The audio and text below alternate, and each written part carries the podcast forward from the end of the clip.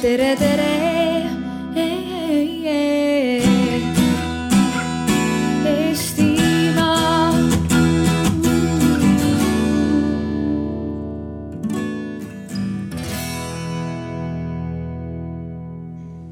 Tervist kõigile, rõõm näha, et meil on äh, kokku kogunenud väga äh, mõnus seltskond huvilisi. ja ma usun, et meil on vähemalt sama mõnus seltskond huvilisi meiega ühinenud ka Facebook Live'i kaudu. ja kõik, kes te olete virtuaalselt meiega, siis kindlasti ootame arvukaid kommentaare, küsimusi, kaasarääkimist, kaasamõtlemist et, et siis siin arutelu lõpuosas võtta riburada pidi ka teie küsimused ette. Nii et head kaasaelamist, kaasamõtlemist ja kommenteerimist ja kõik, kes olete siia tulnud, täpselt samad sõnad.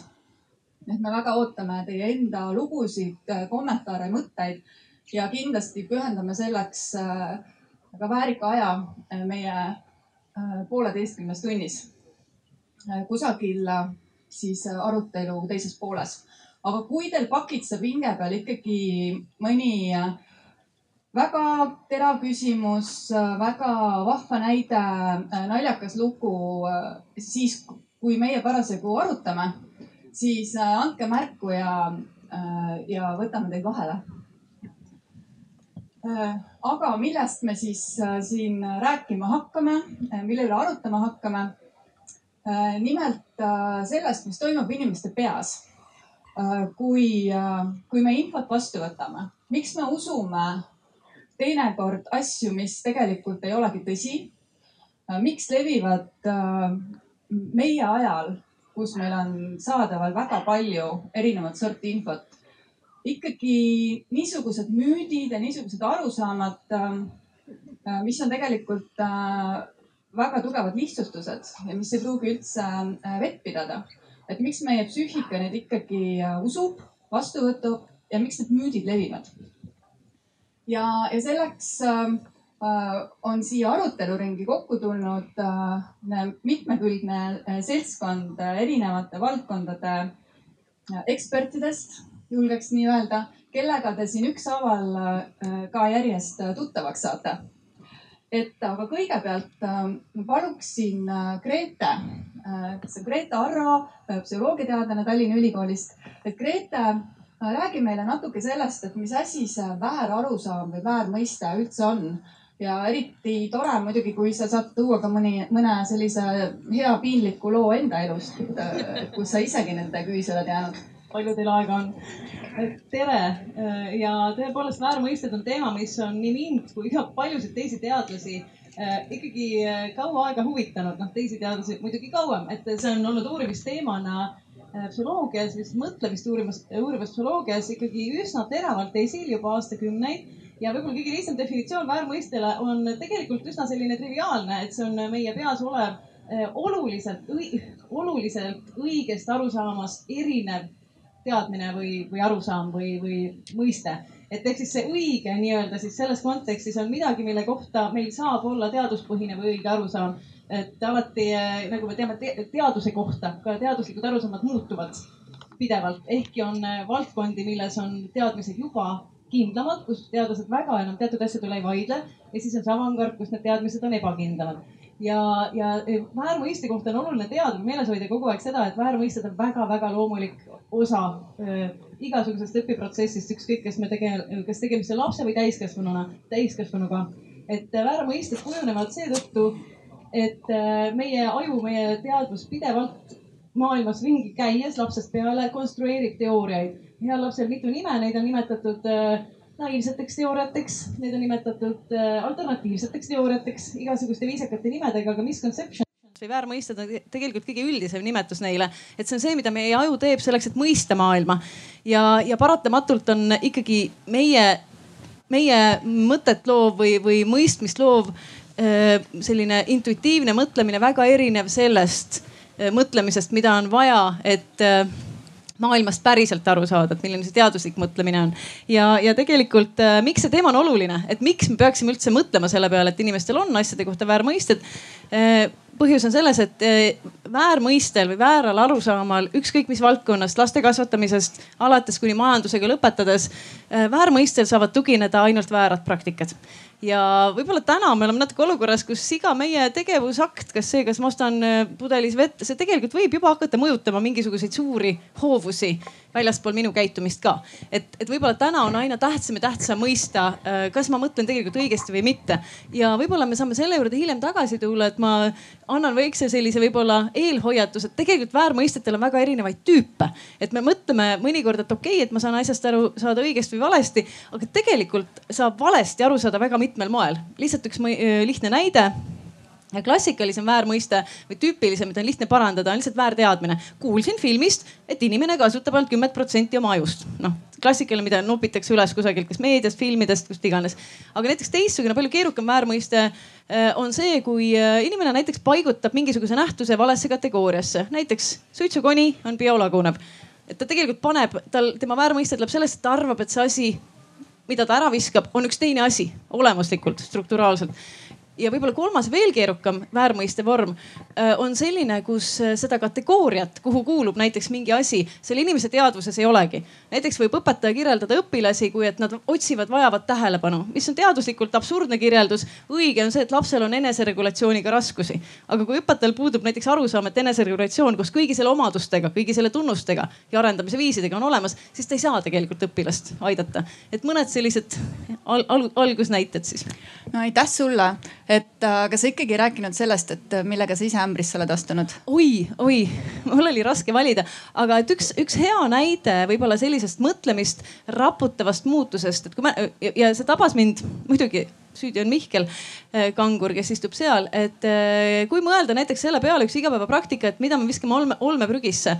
et olmeprügisse läheb, läheb prügi, mida sageli põletatakse ja, ja arusaam sellest, et lihtne arusaam iseenesest, et keemiliste sidemete energiat ei saa, eh, tähendab, kui see on kord moondatud, muudetud soojus energiaks, siis seda tagasi pöörata ei saa. ehk siis kõik, mis kogemata või meelega läheb sellesse prügisse, mida põletatakse, seda materjali me kaotame seal igaveseks. mitte kunagi me ei saa sellel planeedil seda tagasi. ja minu jaoks oli see tohutu vapustus või noh, raputus, ma sain aru, et okei okay,, et noh, et miks me peaksime sorteerima prügi, et kui me selle kord ära põletame, siis kõik see materjal, mis sellega on kadunud, mis on kunagi üles kaevatud, millega on nähtud hullult vaeva, veetud ühelt kontinendilt teisele. ta on läinud, lihtsalt põletasime ta ära. on ju põnev? nii ja äh, ma vahepeal äh, äh, tuli mulle ka meelde, et ma ei tutvustanud ennast, et äh, mina olen Eva-Maria Kongro äh,, olen äh, ka psühholoog äh,. ja väga mugav on vedada sellist vestlust niimoodi, et äh, kui ei peagi enda enda nendest äh, libastumistest midagi rääkima. et enam ma ei kavatse seda ka teha. et ähm, ja, äh, ja mina olen siis, ähm, tegutsen Miltonis ja, ja Miltoniga koos me siis seda, äh, seda ala siin ka korraldame. nii, aga nüüd ma küll tahaksin kuulda ka teie käest, sest te siin ka ümber pukkide istute, et ähm, Äh, et mis need teie enda tähelepanekud on elus äh, erinevate väärarusaamade kohta, et kas enda isiklikud kogemused või mida te tähele olete pannud? et, äh, et alustame näiteks Anneli sinust, et Anneli Talvik on perearst. tere kõigile, aitäh sõna eest. väärarusaamad minu elus muudavad minu töö täiesti teistsuguseks. ma töötan igapäevaselt perearstina mul on kakskümmend üheksa aastat kogemust selles töös ja võib-olla ma alustangi sellest, et ma kõigepealt noore arstina arvasin, et kui mina teen oma tööd hästi, siis kõik minu patsiendid püsivad terved. nii et äh, mul läks aega, kuni ma sain aru, et see on üks väga oluline väärarusaam ja ma ei saa ennast surnuks joosta et üks niisugune näide minu praktikast. aitäh, Anneli, et äh, see on tõesti väga oluline teadmine, milleni jõuda ähm,. Mihkel äh,, lähme edasi sinu juurde. Mihkel Kangur äh, on ökoloog, jätkusuutliku arengu ekspert. Mihkel, võib-olla sa tahad kuidagipidi looduse ja metsa suunal midagi, mõne tähelepaneku välja tuua? jah, ma olen Mihkel tõesti ja kuna mulle anti võimalus äh, siin esineda ja pühapäeval olete te kõik oodatud üle Eesti toimuvale metsameeleavaldusele. mulle anti võimalus kõneleda ka metsameeleavaldusele ja kuna ma olen laisk inimene, siis ma ühendasin need kaks asja ja siia äh, tõin nagu teemaks sisse, mis juhtub äh, siis, kui väärmõiste satub seadustesse ja ma loen teile ette Eesti metsaseadus paragrahv kolm, mis ütleb mets ja metsamaa. mets on ökosüsteem, mis koosneb metsamaast sellel kasvavast taimestikust ja seal elunevast loomastikust. metsamaa on maa, mis vastab vähemalt ühele järgmistest nõuetest. on metsamaa kõlvikuna kantud maakatastrisse, on maatükk pindalaga vähemalt null koma üks hektarit, millel kasvavad puittaimed kõrgusega vähemalt üks koma kolm meetrit ja puuvõrade liitusega vähemalt kolmkümmend protsenti ehk et see on minu arvates selline klassikaline väärmõiste, mis tegeleb, mis on esiteks äh, ebateaduslik. Äh, ta käsitleb ainult äh, meeltega tajutavaid objekte ehk et metsas me kirjeldame ainult taimi ja loomi, jättes kõrvale näiteks märgatavalt olulisemad ökosüsteemi komponendid nagu seened ja bakterid rääkimata veestikust, õhustikust, mis võib minna ka maa alla, aga et, et see metsamaa on see maa, mis on lihtsalt kantud meta, metsakatastrisse. Ja see viibki meid olukorrani, kus inimeste erinevad arusaamad sellest, mis mets on läheb konflikti selle seadusega, siis me peame tegema metsa meeleavalduse ja see tekitab ühiskonnas hästi palju segadust ja pahameelt ja ta viib lõpuks välja selliste mõisteteni nagu metsata metsamaa, mis me võime kategoriseerida juba ka kui värdmõisted, eh, mis on samane eestimaalasteta Eestimaa näiteks huh,. väga huvitav ja tegelikult väga traagiline.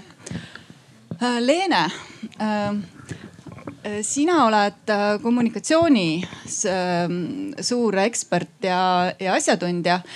et Leene Korp nimelt on ähm, liikuma kutsuva kooli äh, algatuse juures üks, üks eestvedajaid. ja mis on sinu sellised tähelepanekud väärarusaamade kohta? tere, ma võtsin oma ülesannet väga tõsiselt, mõtlesin järele oma elus, et mis on olnud nagu suurem mingi nagu müüdi murdmise hetk või midagi. Ja siis mul tuli meelde, et mul on olnud väga pikalt eh, päris selline tugev baasuskumus, et eh, meil on ikkagi progress. Ja ma olen seda tõesti uskunud kõige kiuste, ma võin lugeda statistikat, ma võin oma Instagrami feed'i panna täis äh, inimesi, kes elavad seal pagulaskeskustes ja, ja kuskil, ma ei tea, pronksi tänavatel. Ja ma ikka usun seda. Ja see on selline pime väga väga selline nagu peaaegu et intuitiivne, mida ei saa kõigutada. ja siis eelmisel aastal eh, ma sattusin lugema ühte Hasso Krulli mõtisklust, mis oli Vikerkaares ja mis rääkis nendest nendest rahvastest, keda vanasti kutsuti Bushmaniteks ja kellel nüüd on palju erinevaid nimesid ja nende pikast-pikast tsivilisatsioonist, mis, mis oli sellel väga halval kiviajal, millega võrreldes meil praegu kõik väga hästi peaks olema ja mis kestis lihtsalt mitukümmend tuhat aastat. seal olid teatud nagu väga head tunnused, väga head nagu see sotsiaalne süsteem oli üles ehitatud niimoodi, et inimesed said alati ära minna, kui olid probleemid. Eh, toitu jagati võrdselt ja veel mingid veel mingid printsiibid, mis tundusid lihtsalt väga sümpaatsed. ja siis, kuna see kestis nii kohutavalt kaua võrreldes kõikide meie tsivilisatsioonidega, mida me teame, siis see oli nagu see esimene hetk, mis hakkas nagu murendama vaikselt seda sellist pimedat progressi usku ja see oli väga hea tunne. väga äge, et ähm, mm, aga statistikast rääkides, siis äh, Janno Järve, kes on äh, majandusanalüütik äh, ja ja Rakendusuuringute Keskuse Center eestvedaja ja, ja sina, kes sa oled äh, teinud oma elus väga palju uuringuid ja, ja vaadanud inimestele lähemalt ja kaugemalt silma. et, ähm, et mida sina arvad nendest väärarusaamadest ja mis, mis sulle silma on jäänud, lisaks sellele, et, et sa tead, et sa oled ise tark? jõle ettevaatlik peab olema. et ähm, kui vääraru, väärarusaamadest rääkida, siis ma võib-olla alustan kõigepealt sellest äkki, et ma ei tea, miks need inimestel tekivad, seal on tegelikult või noh, mul on mingeid mõtteid, miks need võiksid tekkida, aga. aga kui ma oma väärarusaamadest räägin, Eva-Maria ütles sinna juurde, et noh, see võiks olla ikkagi midagi sihukest piinlikku ka, et, et noh, et ei oleks nihuke lihtsalt nagu ma ei tea, et siin meil tööjõunõudluse lastus osutus natukene nagu kõrgemaks või madalamaks, eks ole, kui ma esialgu arvasin. et siis läheb sinna ülikooli aega ja tal on päris mitu huvitavat tunnust, millest ma saan ka pärast rääkida. Ja nimelt ma olin no vähemalt ülikooli esimese või teise kursuseni, noh ma olin linnapoiss, ma olin sügavalt veendunud, et lehmadel ei ole sarvi. Ja seal oli mitu asja, miks ma sellel seisukohal olin ja olin nõus seda ka esialgu kaitsma, sest noh, esiteks see on väga loogiline. kui te nüüd mõtlema hakkate, milleks lehmale sarved ehk siis su peas saab panna päris nagu asjaliku konstruktsiooni kokku, noh, ma saan pullid küll, need seal omavahel nagu kaklevad ja peavad kuidagi selgeks tegema, et kes see kõige tugevam on, aga lehmad, et noh, kas päriselt, eks ole. teiseks um, noh teiseks mul oli ka empiirilisi vaatluseid selle kohta, et ma olin telekast näinud igal juhul nagu pulle ja neid igasuguseid äh, toreadoore neid mõõgaga torkimas, see kõik on õige. aga ma olin täitsa näinud põllu peal lehma, kellel ei olnud sarvi ja minu arust see noh oli ühtlasi ka väga kenasti kinnitatud teooria, eks ole, empiiriliste vaatlustega no vot, sihuke värk, eks ole, noh ja kolmas veel see ka, eks ole, et äh, noh, tegelikult see peaks olema ju andeksantav, sest et ma olen ökonomist, aga see on pigem sihuke bioloogia teema, et noh, see on minu valdkonnast väljas, eks ole.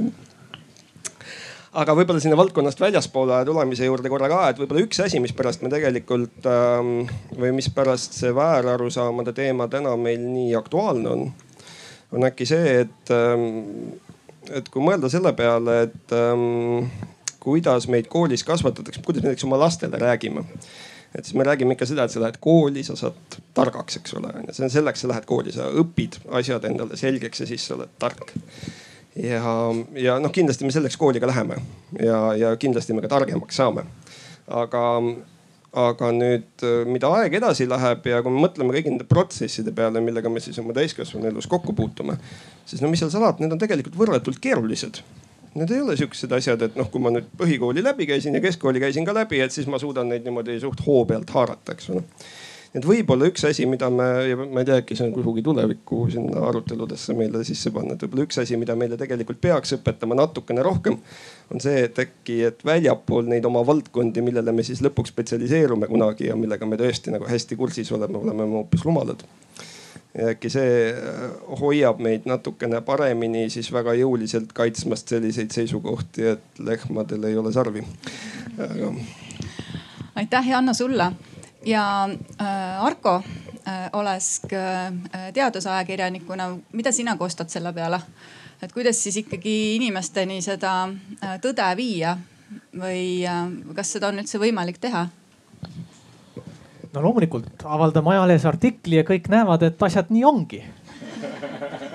ja tegelikult see ongi see kõige levinum väärarusaam, mis, mis mul on nagu ahhaa-efektina tulnud töötades ja õppides eh, teadusajakirjandust ja teaduskommunikatsiooni. see, see üldlevinud arusaam, et, et me peame lihtsalt inimestele näitama, kuidas asjad on. see, et, see, et, et väärarusaamade põhjus on see, et inimesed lihtsalt ei tea õigeid fakte ja, ja tegelikult kui me vaatame neid vastuolusid, neid keerulisi teemasid, mis meil ühiskonnas on, seesama metsateema, eh, tselluloositehase ehitamise ümber olnud eh, pinged, eh, vaktsineerimine, siis, siis me näeme seal noh, väga paljusid osapooli, kes, kes ütlevad, et, et kõik on lihtsalt sellepärast, et inimesed on li lihtsalt liiga emotsionaalsed ei suuda mõelda ratsionaalselt, kui nad vaataksid nendele faktidele otsa, siis nad, siis nad mõt, hakkaksid mõtlema täpselt nii nagu meie seda ütlevad mõlemad osapooled. et, et see, nüüd see levinud väärarusaam ongi see, et, et nagu asi oleks nagu faktides. tegelikult, tegelikult ei ole, et, et, et, et nende faktide ümber seda, kuidas, kuidas inimesed mõtlevad, seda mõjutavad niivõrd oluliselt nende, nende väärtused, see sotsiaalne kontekst, kõik, kõik muud asjad ja kui me tahame nii-öelda tegeleda väärarusaamadega siis me peame tegelema palju muuga kui ainult äh, lihtsalt faktide edastamisega.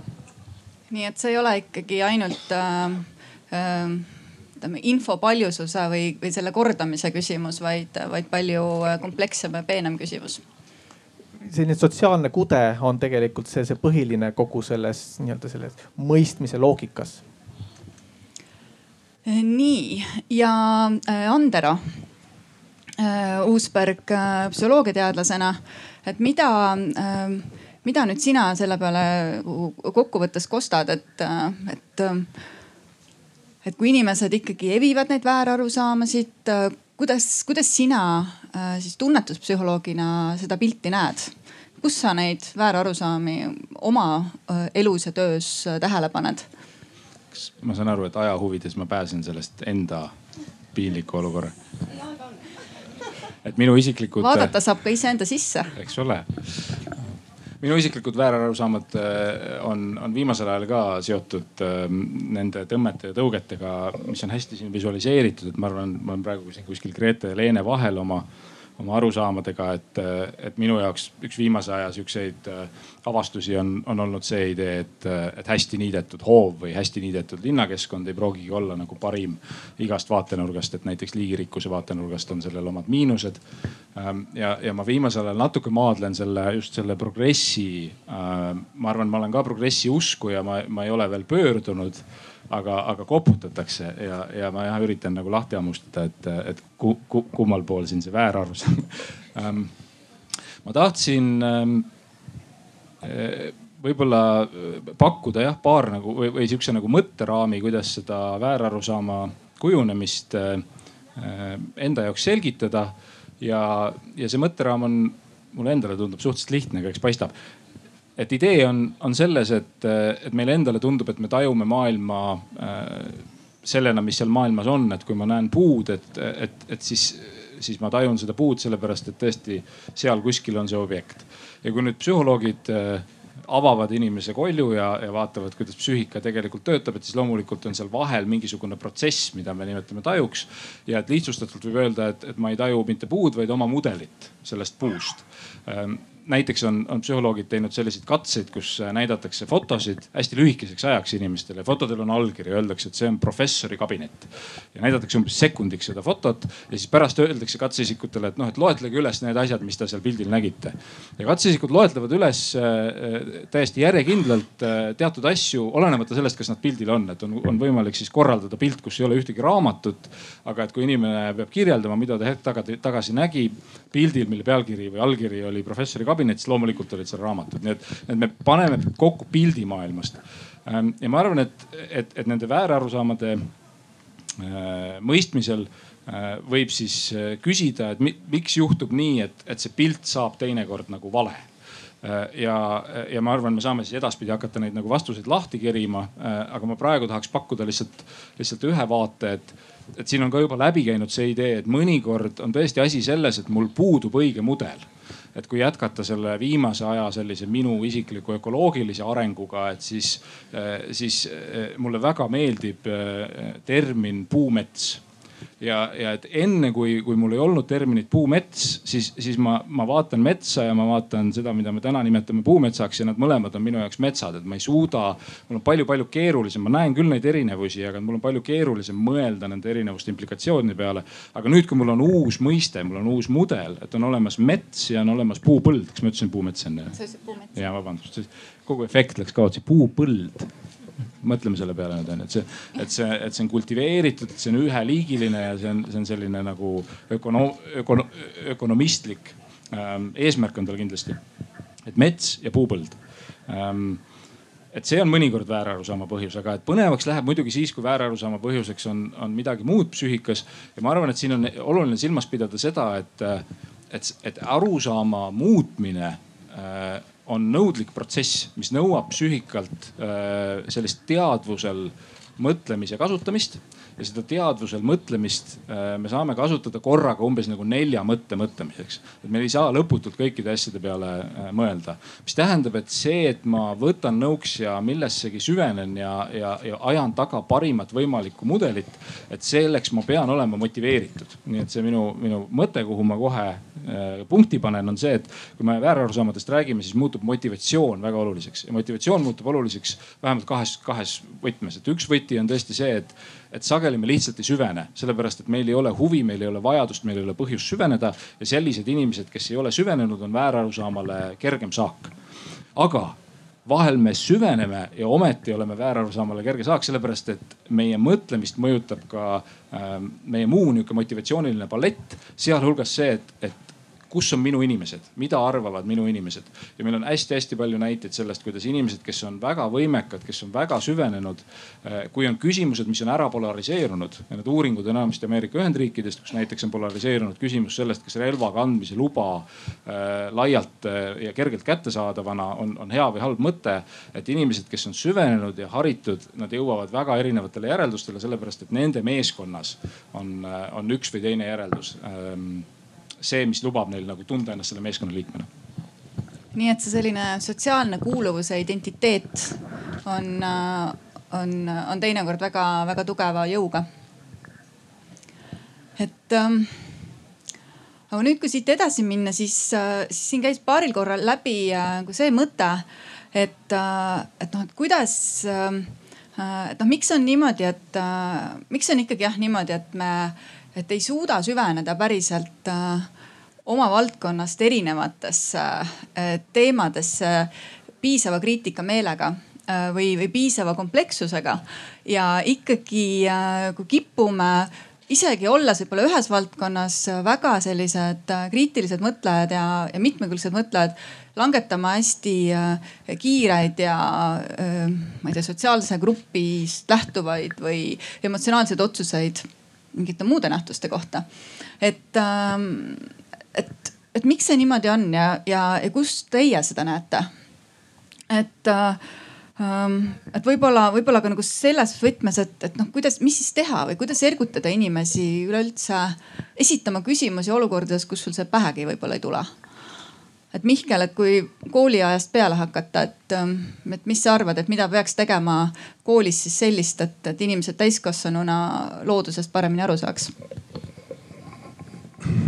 Andero siin mõtet, mõttest kinni haarates püüdsin leida tsitaati, et, et tsiteeri, tsitaadis täpne olla, ma kahjuks üles ei leidnud täpselt, aga et eh, inimest ei ole võimalik ümber veenda eh, asjaoludes, millest ümberveenmise, mitte veendumusest sõltub tema sissetulek. ehk et, et kui meil on ta majanduslikult kasulik, mitte veenduda milleski, siis me seda ka teeme. ehk et, et kas meil sõltub see meie söögilaud sellest. just oli lihateemaline debatt eelmine, kus ma osalesin. või sõltub minu sissetulek ühest pirakast raudtee ehitamisest ja mitte ükski argument seda ümber ei veena, et, et milline ta olema peab. et, et, et see motivatsioonist hakkab, aga, aga haridusest see on võib-olla üks teine aspekt enda elus ka, et äh, kui ma tulin ülikooli, siis tabas mind üks tohutult suur sihuke kummastus või arusaamatus või äh, mõiste areng. ma ei tea, kummas suunas ta nüüd oli, kas ta oli väärmõiste mul enne või pärast. ja siis ma sain aru, teada, et äh, enamus inimesi ei mõtlegi selliselt, et me oleme ökosüsteemi osa et minul õnnestus üles kasvada metsa taga järve ääres ühes külas, kus kõik küla elanikud tegelesid igapäevaselt sellega, et, et me oleme ökosüsteemi osa. ja ülikooli tulles filosoofia loengutes saan teada, et aa, ei ole tegelikult niimoodi. ehk et see, mida me, millisel viisil, kuidas me koolis äh, enda ümbritsevat käsitleme ja ökoloogina ja geograafina ma ütlen, et, et ökoloogia ja, ja geograafia on nagu selles suhtes ilmselt üks parimaid asju, mida üldse õppida et ta annab niivõrd suurepärase võimaluse asju näha seostatult, terviklikuna, süsteemsena, mis võiks olla parim ravim väärmõistete kummutamiseks. ja Anneli, mis sinu mõtted on nüüd siit edasi minnes, et ka tervis on ju niisugune teema, mis, äh, mis kätkeb endas väga olulist osa. Äh, et mitte öelda kogu osa inimese elust. et et kas sa tahaksid kommenteerida just äh, kui arstina patsientidega, äh, patsientide elusid kõrvalt vaadates äh, küsimusi ja mõtteid, et, et, et kuidas need väärmõisted arenevad ja on? No mina näen arstina palju, esiteks üks niisugune suur väärmõiste, millega ma väga tahaksin, et inimesed oleksid kuulnud sellest mõttest enne, kui nad üldse satuvad kunagi arsti juurde, on see, et äh, mõelda selle üle, et kas äh, meditsiin ja arstiteadus äh, suudab inimese terveks ravida, kas ta suudab kõike. sest enamasti kui inimesel mingi probleem on tekkinud ja me peame juba arutama seda tema personaalset juhtumit, siis ähm, hästi sageli tekivad tagasilöögid ja selle tagasilöögi äh, põhjuseks on väga palju see, et inimene põrkab ootamatule avastusele, et kas siis tõesti arst ei teegi mind terveks, kas ei ole tabletti, no nuga muidugi kardetakse, nuga keegi ei taha kirurgiat aga kas tõesti ei ole nüüd praegu, et ma tulen siia arsti juurde, räägin oma mure ära, mulle tehakse kindlasti palju uuringuid, uuringud on mõnusad. Ja kui mul on need uuringud ära tehtud, siis ometigi on ju lahendus olemas. Ja see lahendus olgu ikka võimalikult lihtne. selles mõttes, et noh, saaks nagu teda alla neelata või, või kuidagi nädalase programmiga manustada. Ja pärast seda ma olen terve. Ja see väärarvamus, et nii juhtub, äh, on minu meelest Eh, nagu paljude asjade taga, sellepärast et kui inimene sealt edasi enam ei mõtle ega ei mõtle, mis siis, mis siis veel saaks teha ja mis selle taga veel on, siis ta tulebki nagu pahaaimamatult oma probleemiga. mõnikord tuleb liiga hilja ja siis me hakkamegi ainult seda probleemi haldama, aga me enam mitte kunagi ei saa aidata teda tervemaks. ja kui mõelda sellest, et selle lühikese otsuse tegemisel, siis mina olen nii mõtisklenud, et ma olen aru saanud, et inimese bioloogiline aju on kutsutud üles niisugusele protsessile, et kõik, mida sa teed, peab olema võimalikult energiasäästlik. iga liigutus, mida me peame tegema äh,, aju mõtleb, äkki saaks ilma ja teeme nii, et vähe liigutusi, sest et nii on jäädud ellu aegade algusest. ja nüüd äh, need lahendused, mis viivad mõnikord äh, siis tervisele lähemale, minu valdkonnast rääkides, ilmselt mujal samamoodi, on tülikad liigutused ja kui ma alustan sellest, et kas tõesti meditsiin suudab kõiki aidata ja terveks teha, siis patsient, kui ta saab mingisuguste kogemuste kaudu lõpuks aru, et nii ei ole, et ta peab midagi ise tegema. ja kuna see isetegemise liigutus on tülikas, ta võtab vaeva ja energiat ja ei olegi nii lihtne. näiteks peab mitu aastat mingisuguse küsimusega vaeva nägema, näiteks kaalu langetamisega või mõne lihase treenimisega, siis äh, see suur takistus et ma pean tegema nii palju ja nii palju vaeva nägema, see peatab selle otsuse tegemise. Ja ajul on ka hea tunne kui otsus on tehtud, aju pürgib otsuse tegemisele võimalikult ruttu. et kui ma juba otsustasin, et olgu, et trenn, see on tülikas, aga ortoos, kips või side panen peale, kannan seda, siis see on mõnus ja kiire ja, ja, ja ma olen teinud otsuse, et see mind aitab. Ja nüüd, kui ma tegin selle otsuse ära, siis on case closed, minu jaoks asi lahendatud. Ja mulle tundub, et väga sageli see viib siis niisuguse punktini, kus inimene jääb selle vääruskumuse küüsi. ja ma tahaksin korra veel ühte asja küsida, et kas, kas äh, sinu praktikas on ka ette tulnud, et äh,, et inimesed äh, keelduvad uskumast, et nad on haiged, et see diagnoos kui niisugune võib olla selline, mida psüühika tõrgub vastu võtmast ja, ja väär arusaam on ka see, et, et kas ma ei peagi ühtegi asja tegema või ühtegi rohtu võtma. et, et kõik saab iseenesest korda. efektne nii mikrofon töötab ja tõepoolest, et kui ma niimoodi äh, võib-olla suurelt grupeerida püüan, siis üks niisugune väga oluline väärarusaam, millega inimesed tõenäoliselt meditsiinisüsteemis liiguvad ja võib-olla ka ei liigu, on see, et, äh, et äh, inimestele tundub, et kui nendel kuskilt valutab või neil midagi pakitseb või neil on mingi ebamugavustunne või mingi koht ei tööta, siis see on kindlasti, kuna see tunne tuleb kehast, siis inimene arvab, et minu viga on minu kehas ja jääbki käima arstide juures ja otsides seda kehalist viga. Ja nüüd mm, liiga pikaks ei saa siin minna ajapuuduse tõttu, aga keha on ikkagi ainult keha ja kõik, mis, mis seda kontrollib, on aju. ja aju suudab suurepäraselt pettekujutlusi ette manada, kõik on kuulnud fantoomvalust äh, jalal, mis on amputeeritud ja nii edasi, et kui nüüd inimene äh, tunneb valus, valu kehas või südame kloppimist, siis ta võib arvata seda esimeses järjekorras, et see on mul nüüd südamest, see on mu keha probleem ja läheb kehaarsti juurde. ma panen selle jutumärkidesse sõna keha ja nüüd, kui siis äh, pikad uuringud on tehtud ja protsessid on läbitud ja selgub, et selles südames midagi korras ei ole või tähendab, seal südames on kõik korras, seal ei ole midagi viga, siis inimesed äh, on segaduses, sellepärast et äh, süda ju tuksub liiga kõvasti ja valutab. ja nüüd arusaamine sellest, et tegelikult on põhjus peas. Ehk mõte genereerib selle tuksumise või selle tunde, et tuksub liiga kõvasti või hirmu, mis paneb seda tunnet tundma, on ärevused ja depressiivsed seisundid ja enese keha väärtajumised, anoreksia on hea näide see teadmine on nii lukustatud, inimesed ei taha seda uskuda, nad kardavad stigmatiseerimist, kardavad, et see on hulluhaigus ja keelduvad uskumast, et nendel on viga peas ja noh, viga peas kõlab võib-olla brutaalselt, et äh, arst tõenäoliselt kunagi kellelegi seda nii kabinetis ei ütle. aga, aga lihtsalt öeldes ta ikkagi niimoodi on. ja, meil... nüüd äh, peab siis äh, olema keegi julge, kes ütleb patsiendile, et tuleb mõelda, mis on mõtlemises vaja muuta ja kui seda ei öelda, siis inimene jääb ringlema selle vääruskumise küüsis meditsiinisüsteemi meil tööandja palub öelda, et üks riiklik vääruskumus on see, et psühholoogide rahastus on praegu piisav, et sellised inimesed peaks tulema psühholoogi juurde ravi saama. Lähme edasi. väga hästi, aitäh, äh, Andero. Äh, ja nüüd äh, seoses fantoomvaluga, millest sa Anneli rääkisid, et et Leene, kas sa oled ka mingisuguseid fantoomprobleeme märganud äh, liikuma kutsuva kooli algatuse äh, raames? mulle meeldib see sild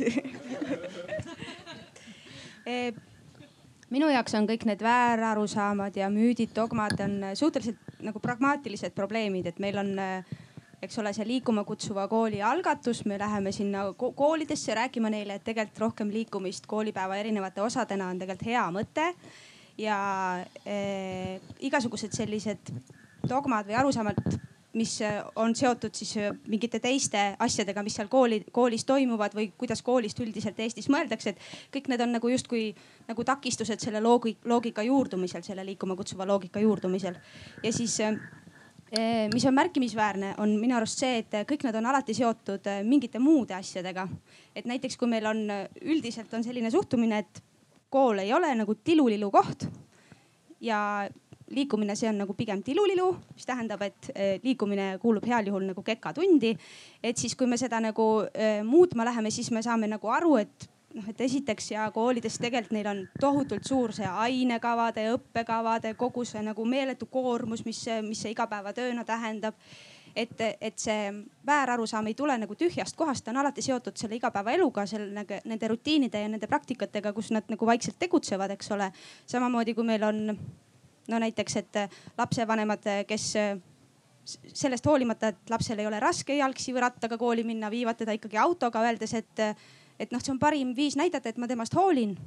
et noh, ma hoolin tast ja ma viin ta autoga, eks ole ju ja siis sellega tegelikult on seotud ka see teine probleem, et koolide ümbruses on hästi palju selliseid hoolivaid lapsevanemaid ja siis nad on nagu ummistanud selle tee ja see tegelikult ongi ohtlik koht, kus olla.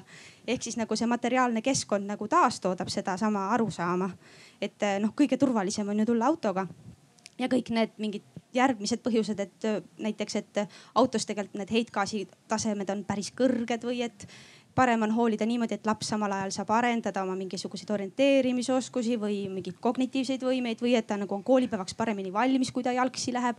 või et, et sotsiaalsed suhted arenevad paremini, kui lapsed on nagu iseseisvamad ja nii edasi, et need nagu tulevad hiljem, neid ei saa nagu noh, neid ei ole mõtet kohe lajatada, kui tegelikult need näiteks need materiaalse tasandi probleemid on nagu lahendamata et mul on neid ridamisi, eks meil olegi põhimõtteliselt sihuke pagas, et mis on kogunenud sellistest asjadest. nii tore, et äh, kuulda, nüüd ma küll jagan ühte isiklikku lugu, mis mul kohe, kohe tuli meelde. et äh, seoses koroona ajaga, et mu oma tütar äh, tegi sellise tähelepaneku, ütles, et, et sellel kevadel mul on kahju sellest, et, äh, et ma, et ma ei märka, kuidas kevad tärkab ja see tundus selline kolmeteistaastase tüt tütarlapse suust selline, selline, äh, selline ilus romantiline lause. siis ma küsisin, et mis sa mõtled selle all täpsemalt. ta ütles, et, et vaata, et kui ma lähen iga päev äh, bussiga kooli, siis mul on seesama koolitee ja iga, iga päev ma märkan, mis on muutunud äh, et kas mõni lill on hakanud õitsema või on puudele, puud muutunud mu ümber. et nüüd mul seda rutiini ei ole ja, ja ma märkan hoopis vähem enda ümber. et, et see selline jällegi eks ju liikumisega seotud väga loomulik asi, mida võib-olla äh, me õpimegi märkama alles kuidagi tagantjärgi või teadvustama tagantjärgi. et äh, vot kui tore, et sa aitasid mul praegu seda mõtestada selliselt kas ma tohin vahele teha ühe kommentaari? ma tegelikult tahtsin vahepeal, ma tahtsin võtta vastutuse, kas te lubate mul võtta vastutuse toimuva eest?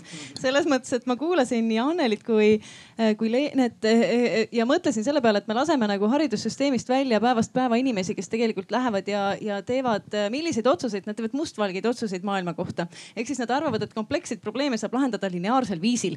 ehk siis, et kui ma olen haige, siis terveks saab mind teha vaid arst.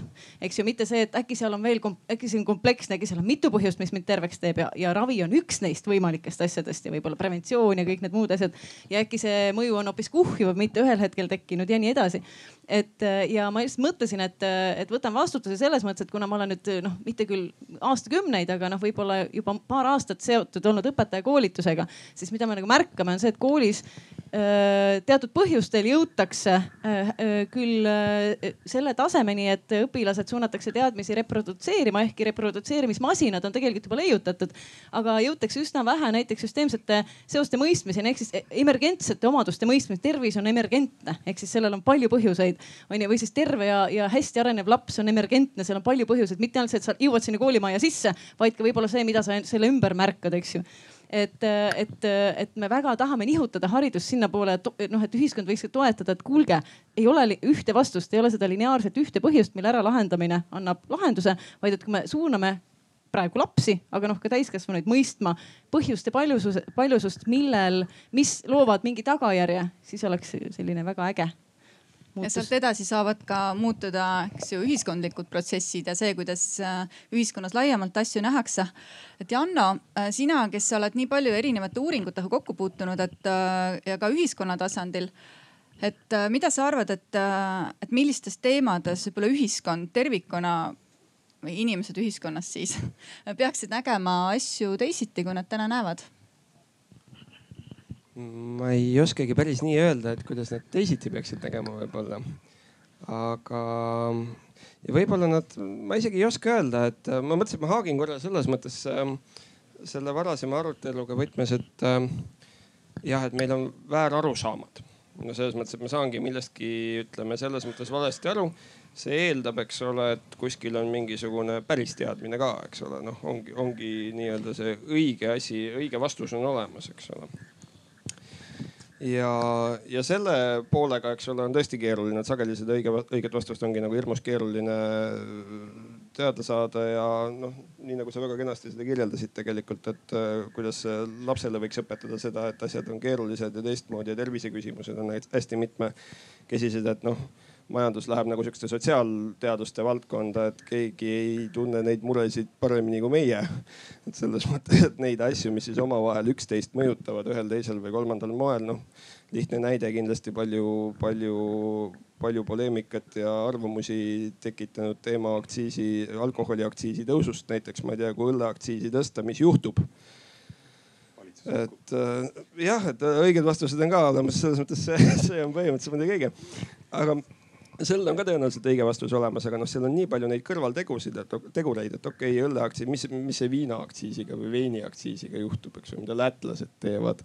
mida parasjagu Terviseamet plaanib oma teavituskampaaniatega, kas ta teeb või ei tee seda kuskil moel, kuidas alkoholimüüjad oma muid juurdehindluseid nagu korrigeerivad, et noh, sellele ühele suhteliselt lihtsale küsimusele, et mis siis saama hakkab nüüd, kas inimesed joovad rohkem või vähem noh, sa pead ikka päris hästi suutma selle mudeli nagu õigesti kokku panna, et, et, et, et selle vastata, seega põhimõtteliselt on õige vastus olemas sellisele küsimusele kuskil. aga no õudselt keeruliselt leitav, eks ole. nüüd teine küsimus te,, terve posu vist on asju, millele ma ei oskagi öelda, kas on nagu õige vastus olemas või.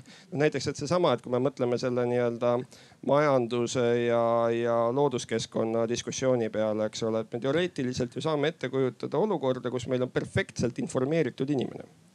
et ta suudab nagu täiesti lõpuni näha seda, millist mõju näiteks ühe mingisuguse tehase, eks ole, ehitamine kuhugi, ma ei tea, jõe või järve äärde, eks ole, tekitab.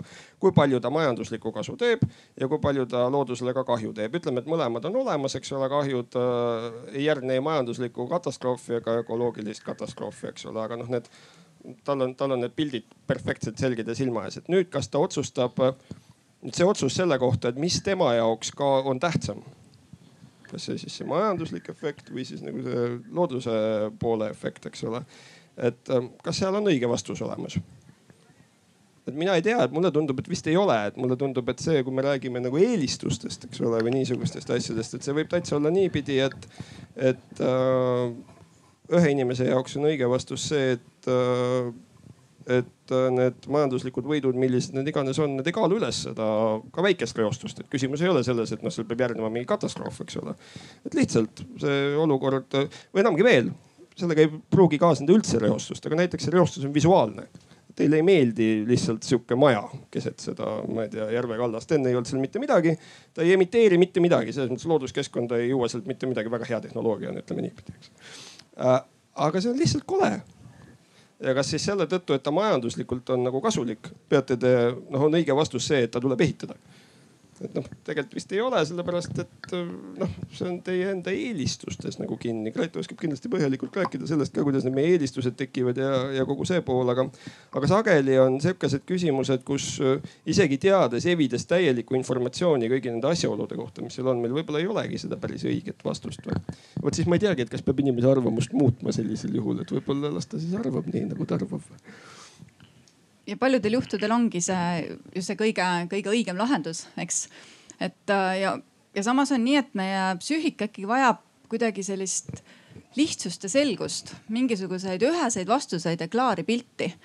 et äh, mida siis sellistes olukordades pihta hakata? et äh, kui seda ühest vastust või klaari pilti ei ole. et kui igalühel on õigus, kuhu me siis niimoodi jõuame mulle tundub äh, jällegi oma töö vaatenurgast jube igav, eks ole, kogu aeg räägin ühest mullist. aga ikkagi niimoodi mõtiskleda, et, et inimene tuleb äh, mingi, ükskõik kus ta kohtub elus mingi probleemiga, siis äh, tema selline mm, otsuse sündimine minu meelest ei saa olla äh, mitte kunagi tänapäeva maailmas niisugune, et ta teab sellest kõike. et siin on sellest olnud juttu ja, ja ei ole seda õiget. kas te olete muidu tähele pannud või, või lugege kokku huvi pärast näiteks järgmise nädala jooksul, kui palju on inimesi, kes räägivad igal pool meedias või teie ümber mingitest teemadest ja ütlevad, aga tegelikult on asi nii. tegelikult toimuvad niisugused protsessid ja need on inimesed, keda tuleks minu meelest jubedalt karta sealhulgas arste, kes nii ütlevad, sest me ei tea kunagi täpselt mitte midagi. aga alati tuleks enda jaoks läbi mõelda, et kes on minu jaoks see arvamusliider, arvamusliider selles valdkonnas, mis minu väärtushinnangutega kõige paremini sobib, mis minu prioriteetidega kõige paremini sobib. ja see arvamusliider võib olla siis oma valdkonna spetsialist kes siis teab just sellest ja kui tema midagi arvab, ta viib ennast kurssi, siis selle arvamuse najal võib ka kujundada oma arvamusi jah, tegelikult on niimoodi, et et, et mida rohkem, mida rohkem me teada saame, seda rohkem saame teada, kui vähe me sellest asjast ka teame, et, et olles informatsiooni ajastul praegust äh, inimkonnal ei ole ilmselt kunagi olnud nii palju sellist äh, alusteadmist, faktiteadmist mingisuguste süsteemide kohta. aga see ei ole takistanud tegemast äh, väga rumalaid äh, enesehävituslikke otsuseid nii individuaalsel tasandil kui ka kuni globaalsele tasandile, globaalse kogukonnana. ehk et see informatsiooni pealetulek ainuüksi ei too mingisugust lahendust äh, väärmõistete pidurdumisele, leviku pidurdumisele või veel targemate otsuste tegemisele, vaid et, et seal informeeritusest teadlikkuseni ja, ja sellise teadliku käitumise, õige käitumiseni, siin, siin jääb niivõrd palju tohutult samme vahele, et. Äh, ja, ja majandusega seoses mul tuli see mõte, et, et me ometigi kõik saame väga hästi aru, et, et meie majandused on globaalselt väga hästi ühendatud, aga nii kui hakata rääkima sellest, et et see, et, et me siin naftat, põlevkivi äh, enam õnneks õhju ei aja, et, et see on ju kõigest väike köömes kõige selle muu maailmaga ehk et, et see ma majanduslik sidemete olemasolu ülekandumine ökoloogiliste sidemete arusaamisele, et, et seal, seal tekib nagu tõrge vahele, et, et, et siin, siin me justkui elame nagu omaette mullis Eestimaa ja ometigi ei osale eh, kasvuhoonegaaside produtseerimises. aga majanduslikus mõttes oleme kõik ühendatud ma tahaks korra ka kommenteerida seda mõtet, et nii-öelda kellel on õigus, ehk siis igasugune teaduslik tõde, kui see teadus ei ole veel jõudnud noh noh, võib-olla nii kindla tasemeni, et me näiteks, meil on heliotsentriline arusaam meie päikesesüsteemist, et seal tõenäoliselt väga enam eriti ei vaielda. aga et kõik, mis on uuem, seal loomulikult teaduse olemus on see, et meil on tõenäoliselt, tõenäoliselt tänased andmed, enamik andmeid näitavad, et õige on see, aga me ei pane kunagi, see kunagi ei ole dogmaatiline, me kunagi ei ütle, et noh, nüüd nii on, et uusi teadmisi ei saa peale tulla, alati saab tulla. ja noh, et, et me võiksime lähtuda sellest, mis on kõige parem teadmine. ja kui nüüd võtta kinni jälle sellest näitest, et kellel on õigus, kui teeme tehast, siis mulle hästi meeldivad need mõtlemise arengut uurivad teadlased nagu noh, nagu me siin olen ka varem natuke viidanud, kes siis ütlevad, et tegelikult sellist süsteemmõistelist mõtlemist iseloomustab arusaam, et õige lahendus on see tähendab, et õige lahendus sõltub probleemist, mida sa lahendad. kui su probleem on saada rikkaks selle ja võib-olla oma laste huvides, siis on õige lahendus ehitada tehas. kui su probleem on see, et sina tahad, et sinu laste, lapse, lapse, lapse, lapsed elaksid elu et nad oleksid olemas, et neil oleks keskkond, siis võib-olla õige lahendus on teine. küsimus on, kumba probleemi sa lahendad. et tõsi on see, et ühe probleemi äh, nii-öelda reward või tasu on palju kättesaadavam. teise puhul sa tegelikult ei näe seda kasu ja see ei tundu eriti ahvatlev, ükski tasu, mis on väga kaugel, selle kohta ilmselt oskab Andero väga palju asju öelda. et, et see, see ei tundu selline, et, et ma tõesti midagi võidaksin, kui ma nüüd säästaksin elukeskkonda võib-olla noh, nii-öelda oma järeltulijatele ehk siis inimese elu toetavat elukeskkonda. et tegelikult küsima peaks alati, et, et seal alati see on õige vastus olemas, aga küsimus on, et mis probleemi me tegelikult lahendame ja mul on tunne, et sellistes diskussioonides see jääb alati küsimata. me ei küsi, et mis probleemi me tegelikult lahendame, kas me tahame ellu jääda, noh tahame, aga kas me tahame, et ka meie seitsmes põlvkond alates meist ellu jääb? no keegi pole nagu otse öelnud, et tegelikult meil on savi neist ma segaks korraks vahele selle lineaarsusega, et kui meil on õiged asjad teada, et siis me jõuame õige käitumiseni, et ei jõua. ma ei usu sellesse üldse. et äh, mul on hea näide jälle sealt oma mullist, liikuma kutsuva kooli omast, et on äh, ütleme, et on teemaks on see, et lapsed võiksid koolipäeva jooksul rohkem liikuda ja siis sa lähed kooli vaatlust tegema. ja Tartu kool, neljandale korrusele jookseb laps, hingeldab. Eh, põsed on punased, on näha, et ta on liikunud. sa küsid ta käest, kas sa oled täna liikunud? ta ütleb, et ei, üldse ei ole, käisin ainult all, võtsin puuvilja. et ega selles mõttes meie mõtlemine jääb umbes samale tasemele ja midagi ei ole hullu sellest, et ta ei tea, et ta just liikus et kui see liikumine on integreeritud tema igapäevaellu või siis mingi muu, näiteks tervislik käitumine täiskasvanud inimese igapäevaellu, pole hullu, et tal ei ole sellest mingisuguseid suuri teadmisi, peaasi, et ta nagu igapäevaelu praktikatega seda edasi kannab. Ja kas see on ka üks nendest äh, toredatest näidetest, et või edukogemustest, et, et noh, mida te oma liikuma kutsuva kooli algatusega äh, kui initsieerite, nügite, et, et läbi sellise loomuliku elu äh, saaks seda liikumist rohkem ja tõeliselt tore on kuulda nagu koolides, kus täpselt kolm aastat tagasi algasid tantsuvahetunnid korra nädalas või kaks korda nädalas. lapsed, kes tahavad tantsida, kogunevad kuskile saali, siis pannakse neile mingisugune video, kus ees tantsitakse või siis äh, vanemate klasside lapsed tantsivad ees ja nad noh, käivad seal on ju ja siis sa uurid näiteks kolmanda klassi lapse käest, et noh, kuidas teile siis uued tantsuvahetunnid meeldivad ja siis ta ütleb, et mis asja uued, need on alati olnud, ma olen siin koolis kolm aastat, kogu aeg on olnud. et sa näed, kuidas see norm on kujunenud juba sinna, et tema ei kujuta oma koolipäeva ilma selleta ettegi või samamoodi nagu õuevahetunnid, et algul on tohutu innovatsioon, pärast keegi ei pane tähelegi. et need muutuvad enesestmõistetavaks et ähm, Arko, ma tahaksin sinu käest küsida seda, et, äh, et kuidas sellist head teaduskommunikatsiooni teha või kuidas tuua inimesteni kus sedalaadi infot, äh, mis äh, mis võib-olla avardaks nagu päriselt sellist kriitilist mõtlemist ja võib-olla aitaks ka inimestel muutusi elus ellu viia. ega siin jällegi ühte vastust ei ole, et et siin, seal peab olema esindatud äh, mitu komponenti, et ühelt poolt see, see teaduskommunikatsioon peab, peabki olema nii-öelda teaduspõhine. ta peab, selles, selles peavad olema need faktid, mis, milles me saame olla kindel äh, ja, ja, ja mis tõesti kannavad edasi seda nagu õiget äh, või, või seda ütleme parimat olemasolevat teadmist.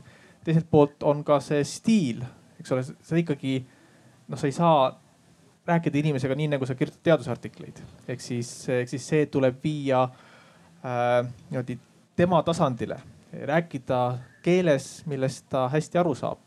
ja, ja see kolmas tasand on siis ikkagi ka see nagu see side, see side ühiskonnaga, eks ole, et, et see, see teadus ei ole nii-öelda eraldiseisev asi temast, vaid, vaid see mõjutab teda, tema suudab mõjutada teadust või ühiskonda, ehk siis näidata nagu sedasama nii-öelda seda kogu seda süsteemi, ühiskondlikku süsteemi, sotsiaalset süsteemi, ökosüsteemi, et kuidas inimene on, on selle osana ja et ta tajuks mingisuguse uue informatsiooni või ka vana informatsiooni tähtsust talle, et, et, et, et miks ta peaks nagu sellest teadma.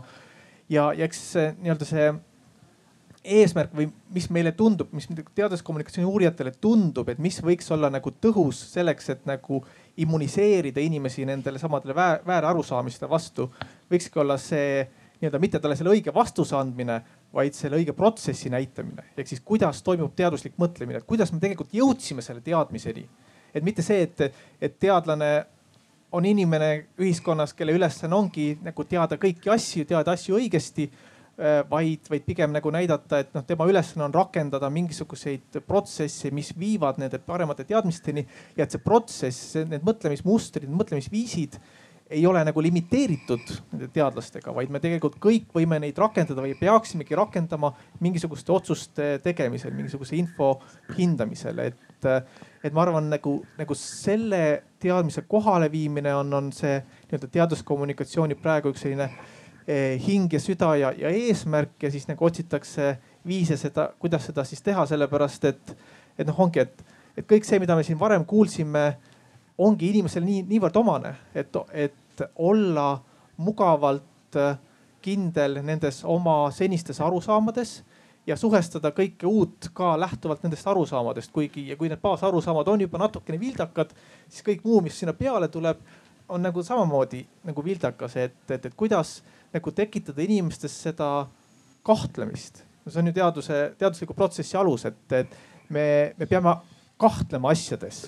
mitte nagu iseenesestmõistetavalt midagi omaks võtma, vaid sellest kahtlema. Ja see on kognitiivselt eh, raske, pingutav, samamoodi nagu, nagu kehaliselt enda vormi viimine on, on, on pingutav, et, et, et see on see, see on see keerukus ja ma võib-olla viimase kommentaarina ütlen siia vahele, et, et ma siin vahepeal mõtlesin välja, et mis võiks olla kõige levinum väärarusaam üleüldse. on see, et, et mind isiklikult, kõik me mõtleme, et mind isiklikult äh, Dunning-Krugeri efekt ei puuduta. mina ei ole sellest hõlmatud. kes ei tea, siis Dunning-Krugeri efekt on see põhimõtteliselt, et need, kes asjast mitte midagi ei tea, on kõige kindlamad selles, et nad teevad sellest väga palju et see, see, see graafik. keskmisest rohkem.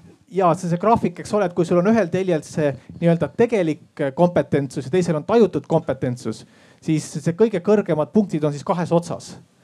et siis see tunne, et, et ma guugeldan pool tundi ja tegelikult ma saan, ma saan sellest asjast aru, ma tean, kuidas, kuidas sellega on, kuidas sellega tegelikult on. et äh, ma arvan, me kõik kellel on doktorikraadid, mis iganes, me kõik oleme sellest äh, puudutatud, me keegi ei ole sellest äh, vabad ja me peame lihtsalt endale teadvustama, et, et mis hetkel me tegelikult langeme sellesse lõksu. Ja mind isiklikult puudutab ka väga äh, seesama efekt ja, ja, ja ka sõna tegelikult, mis on saanud minu selliseks parasiitsõnaks ent tahtsin võtta sõnasabast selle koha pealt, et kui sa ütlesid, et et kuna keerukas või kriitiline mõtlemine on pingutust nõudev ja, ja, ja kui Anneli sa tõid välja, et meie psüühika on äh, seatud selliselt, et äh, võimalikult äh, ökonoomselt ja lihtsalt läbi ajada, siis võib-olla on, on otsapidi lahendus ka selles, kui me õpetame oma ajule, et pingutamine on ka nauding, et pingutamine võib ka olla mõnu ja kui me seda piisavalt palju harjutame, siis, siis võib-olla sellest saab teatav selline harjumus, mis hakkab iseennast äh, taastootma. või mis te arvate sellest?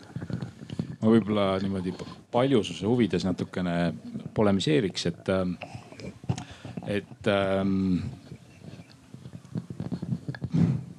ega, ega nüüd tagasiteed ei ole ka enam, et, et ühesõnaga teaduses on äh, see protsess, on ju, mida, mida sa just kirjeldasid, et me korrigeerime oma, oma seniseid arusaamu. et, et üks hiljutine korrigeering psühholoogias äh, puudutab just seda, et, et, et mis siis see aju äh, selline leitmotiiv on, et kas ta on tõesti nagu kulu minimeerimine või ta on investeeringu tulususe maksimeerimine. ja mulle tundub, et ta on seda teist, ehk siis, et, et kui me mõtleme ka ma seletan need mõisted enne lahti, et, et üks idee on, eks ole, selles, et inimene alati tahab läbi saada minimaalse pingutusega ja teine idee on selles, et inimene tahab oma pingutuse eest alati maksimaalset tulu teenida ja tulu siinkohal ei tähenda ainult raha, vaid tähendab, eks ole, sotsiaalset tähelepanu, heaolutunnet, kõiki neid asju, mis meid motiveerivad.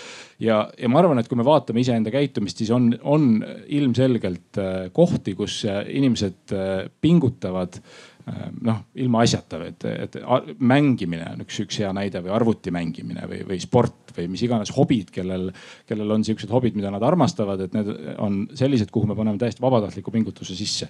nii et, nii et ma arvan, et jah, et see, mida me, et, et see võti, mida sa otsid, on ju väga selgelt olemas, et me oleme valmis pingutama nii kaua, kui me näeme, et me sealt midagi saame ja võib-olla kui tulla meie praeguse teema juurde tagasi, edasi polemiseerida, et siis mõnes mõttes võiks ju öelda, et osad need äh, nagu väärarusaama kontekstis ja ohtlikud käitumismustrid on just sellised, kus inimesed võtavad pähe ja hakkavad kahtlema Äh, selline vandenõuteoreetik on ju, ütleb, et, et oot-oot-oot-oot, et ja, ja ta on ka tunde ja tunde valmis veetma, eks ole. ja, ja noh, ma ei tea, kas me tahame selle vaktsiini küsimuse ukse siin avada, aga siin nagu sarnane temaatika, eks ole, et inimesed tegelikult pingutavad et, et otsida neid tõendeid. Äh, ja, ja et ega need vastused lihtsad ei ole, et selles mõttes üks nagu mõte, mis siit on läbi käinud, ma usun, on nagu kehtib peaaegu alati, et need nähtused on komplekssed, nii nagu ka see käitumine sellistes olukordades. aga et, et tundub jah, et, et oleks siin vaja nagu, nagu veel mitut asja lauale panna, et, et, et see kahtlemise ja kriitilise mõtlemise nagu alge, et sellega kaasneks ka sihuke avatus, et, et ma, et, et ma ei, ma ei, ma ei tunne, et mind rünnatakse, et ma otsin, et ma otsin tõde, mitte et ma ei otsi, otsi tõestust.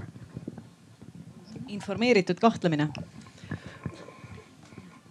kui tohib, siis mina lisaksin pingutuse teemale veel midagi. minule tundub äh, et võib-olla teinekord võiks pigem nii mõelda, et pingutamine kipub hästi sageli olema pseudotegevus, tulles viidates samamoodi sinu sellisele mõttekäigule. ja mulle tundub, et mõnikord võiks anda tulemust hoopis pingutusest loobumine ja, ja seda ka mõtteprotsessides, et inimesed äh, elavad tänapäeval ikkagi väga pingelist ja tihedat elu. ja siin, kui viidati infoküllusele, siis kõigile tundub, et ega ma muidu ei ole see päris inimene, kui ma ei ole kursis kõigega. ja ma pean kogu aeg hankima infot ja ma pean selleks veelgi rohkem pingutama, et ma saaksin seda kätte. ja lõpuks kujuneb välja see, et äh, ma arstikabinetis näen inimest, kes pingutab nii kõvasti, et ta öösel enam ei suuda üldse magada ta ei suuda lõõgastuda, ta ei suuda normaalselt ennast tunda. ja kui me räägime lihtsast äh, keha äh, sellisest funktsioonist, siis nii lihtsad asjad Äh, mille juurde saame tagasi tulla, mida juba ammu teatakse.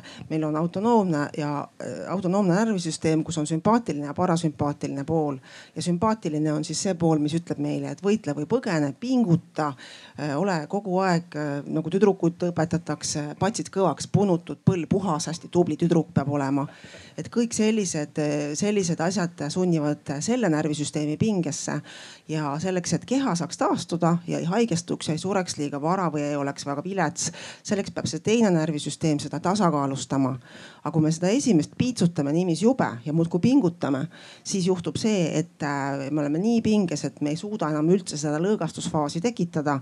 seda ei tule puhkusega, seda ei tule ka öösel ja me oleme lihtsalt äh, läbi põlenud ja ei toimu üldse mitte midagi ja väärarusaam on ta või ei ole, aga inimene elab halvasti et selles mõttes lõppkokkuvõttes ikkagi tahaks tulla selle juurde, et mõnikord võib olla lihtsalt vajalik äh, lõpetada pingutamine, äh, mõelda ja tunnetada, mida ma ise tahan, kes ma ise olen mida ma tajun, mis on minu intuitiivne vajadus. Ja kui me rääkisime koolist ja laste õpetamisest ja lapsed jooksevad trepist rõõmsasti üles-alla, aga nendele õpetatakse palju tarkuseid ja nad tulevad koolist mingi pagasiga põhiliselt ju selleks, et veelgi rohkem osata pingutada aga kas me oleme nende käest koolis küsinud, et mida te tunnete?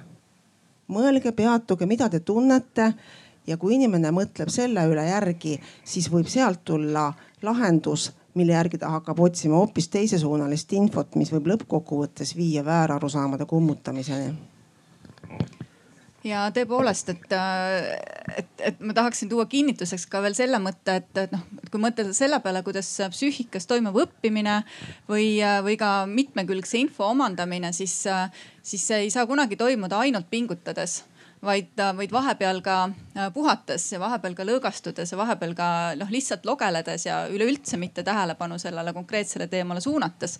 et ja, ja vaheldades äh, erinevaid mõtteid, erinevaid tegevusi. Et, et kokkuvõttes on see midagi väga loomulikku ja, ja, ja käepärast meile kõigile, millega, mida me kipume unustama aga kas meil igast asjast üleüldse peab olema arusaam, arvamus?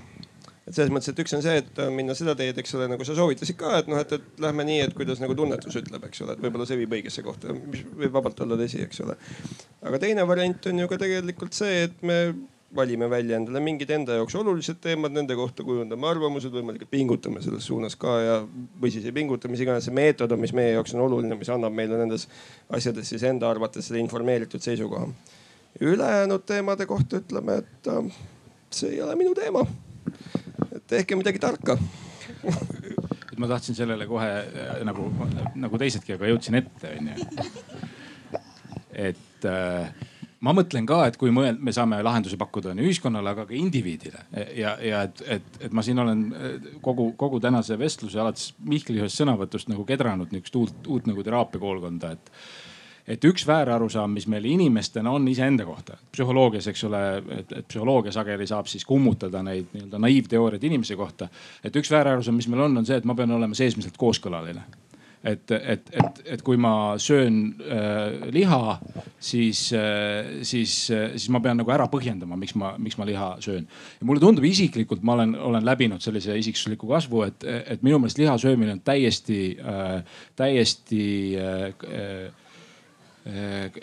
võimatu on kaitsta seda intellektuaalselt ja ma söön liha mul on see okei okay,, et, et see on ja et ma olen väga vastuoluline isiksus ja et kui me uurime inimesi, et siis me näeme, et me kõik oleme vastuolulised. me kõik ütleme, et ja ma tahaks trenni teha, samas ma ei viitsi trenni teha ja jah, et minu jaoks on oluline, on ju ökoloogiline mingisugune väärtus, aga et ma ei käitu sellele, sellest lähtuvalt. ja mulle tundub jah, et see, see, millele sa tabasid ära, et, et, et inimesena mul võib olla lihtsam, kui ma ei aja taga seesmist kooskõla ja ma loodan, et tegelikult see jätab ka nagu äh, selleks mõtte arenguks ja avanemiseks ruumi, sest ma ei ole nii kaitseseisus kogu aeg ja siin on, ma näen siin on nagu mündil kaks poolt, et üks on see, et, et see annab sellise vabaduse eh, ja antennid püsti eh, seisundi, kus sul on võimalik siis olla ka ise avatud erinevatele nagu mõtetele, tõlgendustele enda sees ja endast väljas ja see mündi teine pool on see, et, äh, et me võime muutuda täiesti vastutustundetuteks äh, äh, mölakateks kogu ühiskonna, planeedi ja tuleviku ja mineviku suhtes. et, et on võimalik alati otsustada, et mind lihtsalt ei huvita ja see ongi täitsa okei okay,, et ma ühe käega teen pai ja teise käega tõmban vett peale. et äh, armsad siinviibijad kui teil selle vastu midagi pole, ma saan aru küll, et Gretel oli juba, juba tulemas veel üks mõte. Äh, et aga meil on aeg sealmaal, et ähm, ma hea meelega äh, nüüd tunnen huvi, et kas teie seas, kes te olete siin meil füüsiliselt kohal, on teil tekkinud ähm, mõtteid, küsimusi, mida te tahaksite meiega jagada? siis andke märku, me toimetame selle mikrofoni. ja, ja ühtlasi ma palun äh, Randel. et äh, kui meil on tulnud Facebooki ka mõned küsimused või kommentaarid, siis, äh, siis hea meelega võtame vastu. tervist, Tiit Telenurm Estonian Business School'ist. tahaksin küsida sellist asja, noh eh, eh, see arutelu oli väga nihuke pluralistlik ja mitmetahuline, aga eh, kas keegi on nagu püüdnud sotsioloogiliselt fikseerida, et need inimesed, kes näiteks eh, annavad edasi või levitavad noh, kasvõi vandenõuteooriad, et mis, milline on nende inimeste vanuseline, sooline või laiemalt sotsiaalne profiil. ma ei mõtle neid, kes algatavad eh, noh, neid nii-öelda väärtarusaamu, sest neil võivad olla mingid väga subjektiivsed huvid, kasvõi turunduslikud või poliitilised, eks ole. aga need, kes nii-öelda toimivad inglise keeles on see ilus sõna dissemination või levitaja, eks ole. kas kellelgi on sellist teavet?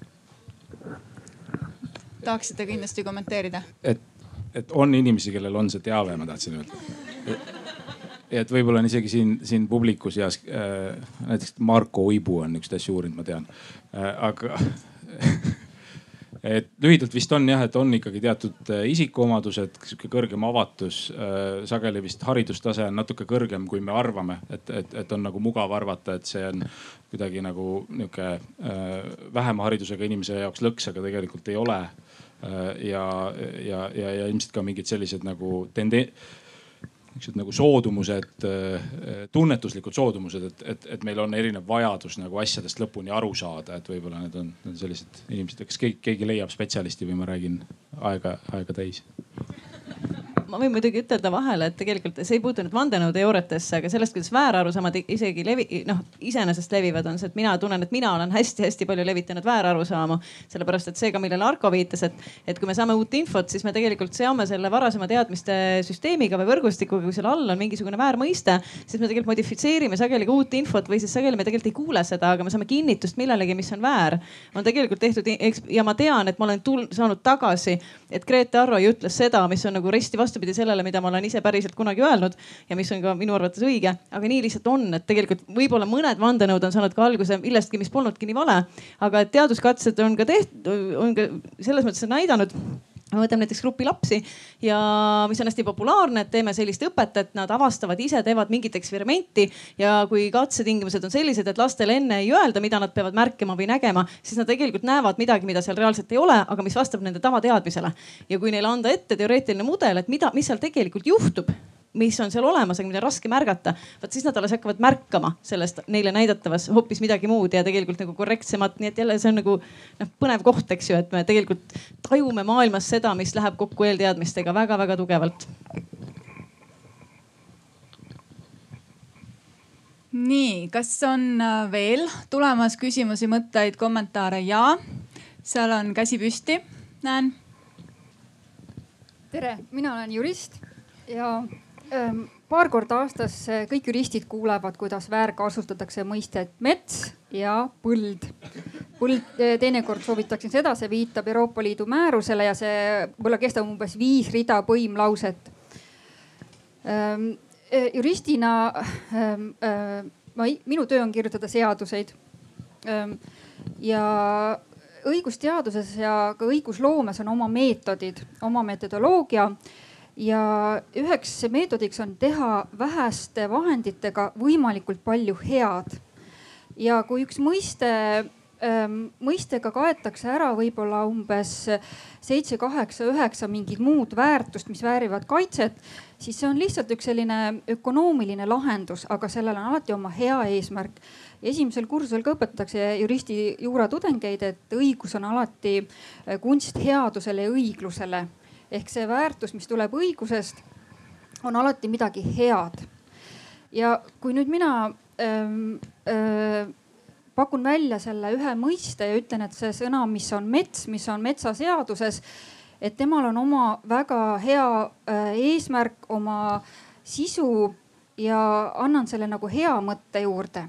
aga umbes võib-olla pool tundi tagasi me kuulsime, et, et sõna mets ja nii nagu ta on kirjas, et see oli midagi, mille üle siis ka nagu naerda ühiselt. ehk siis see väärtus, see tõde või äh, see, selle sisu. ehk siis äh, mida me oleme ka palju juristide näinud, on äh, seda, et, et see, mis on algselt midagi head.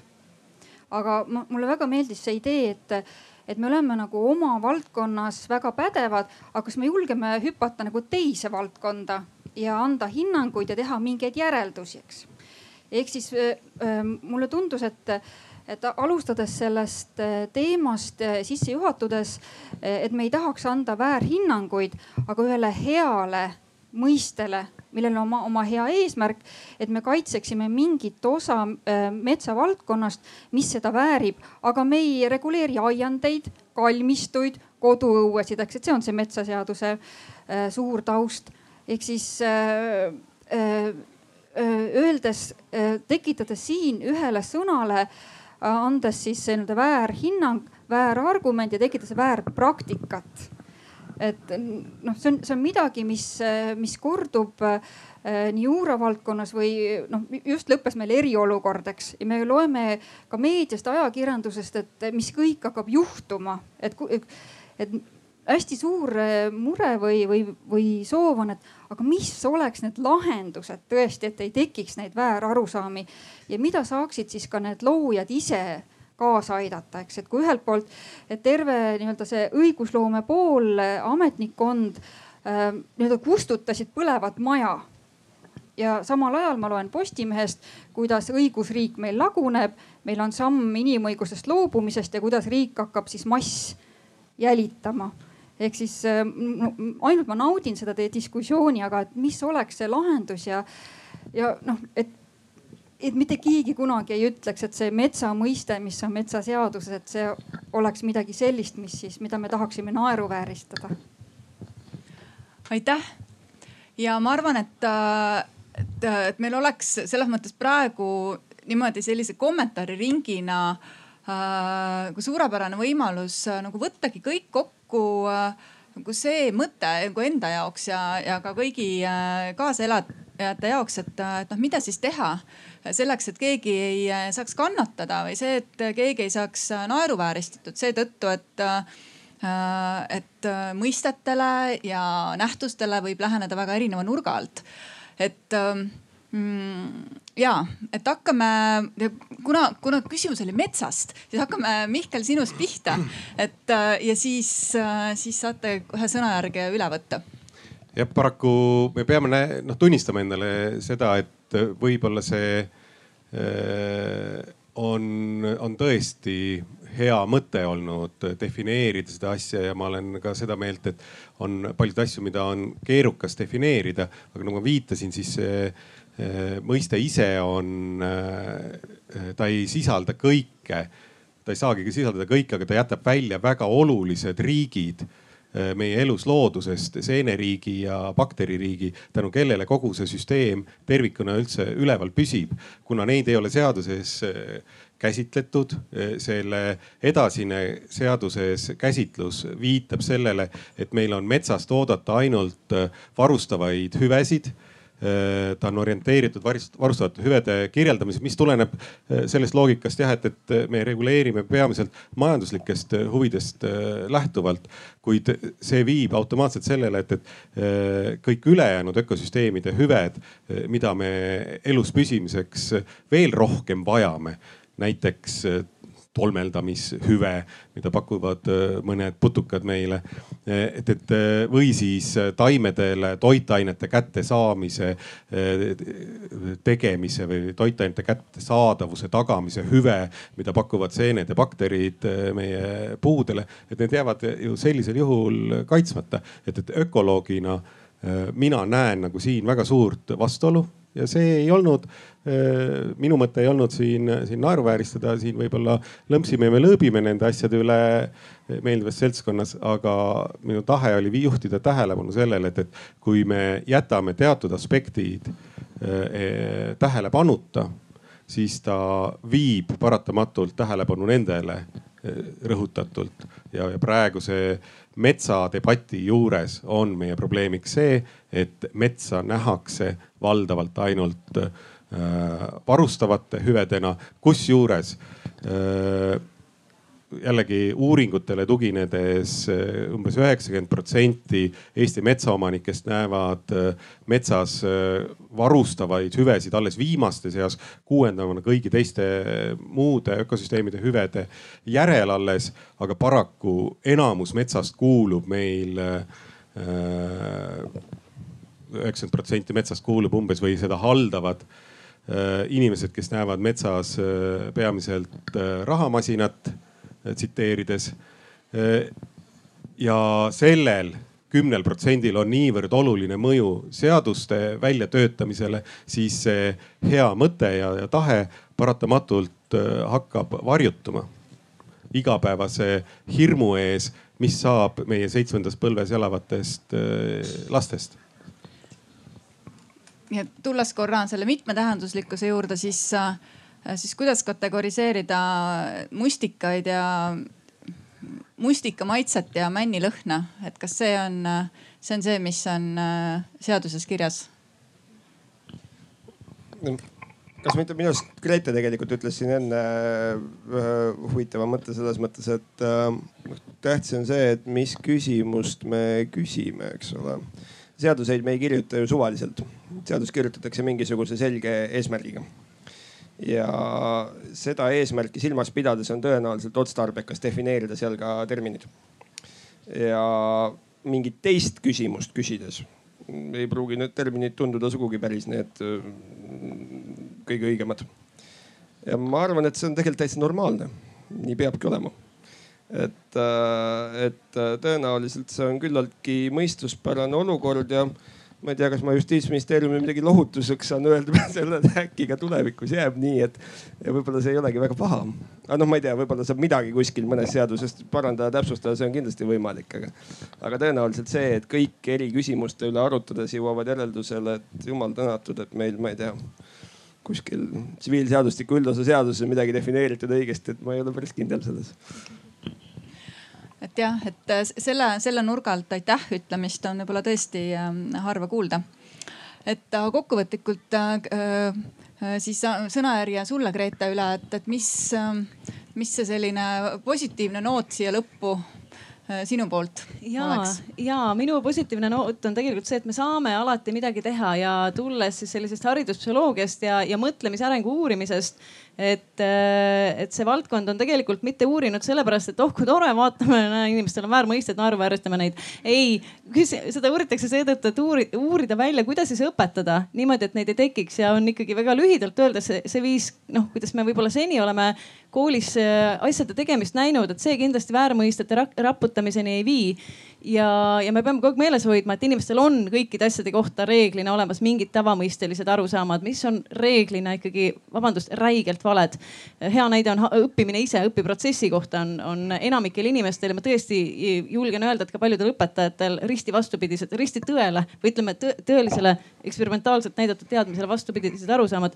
ja, ja, ja siit tulevad need lahendused siis selles mõttes kui need, neid on katsetatud hästi eri viisidel, äh, teatud tüüpi eksperimente, äh, ühesõnaga erinevaid tüüpi eksperimente, aga neid võiks resümeerida lühidalt niimoodi, et, et me saame inimese mõistet toetada, kui me saame aru, et esiteks see areneb kohutavalt aeglaselt, seal on relapse'id, ta kukub vahepeal tagasi, sellepärast et intuitiivne ja common sense on nii palju armsam ja lihtsam ja hoomatavam. Äh, et äh, selle mõiste arendamise käigus peab õppija aju seda mõistet ehitama. kui õpetaja selle kuhugi kirjutab või laseb seda lugeda või videost vaadata, siis seda ei juhtu, et meil on vaja see, et õppija aju ise valu ja vaevaga tegelikult ehitab selle teadmise üles, tema peab selle konstrueerima, aga seda ei tohi teha suvaliselt. muidu meil on tulemuseks väga erinevate väärmõistetega inimesed, meil on vaja kõrvale eksperti, kes mõnusalt ja leebelt laseb tal otsida.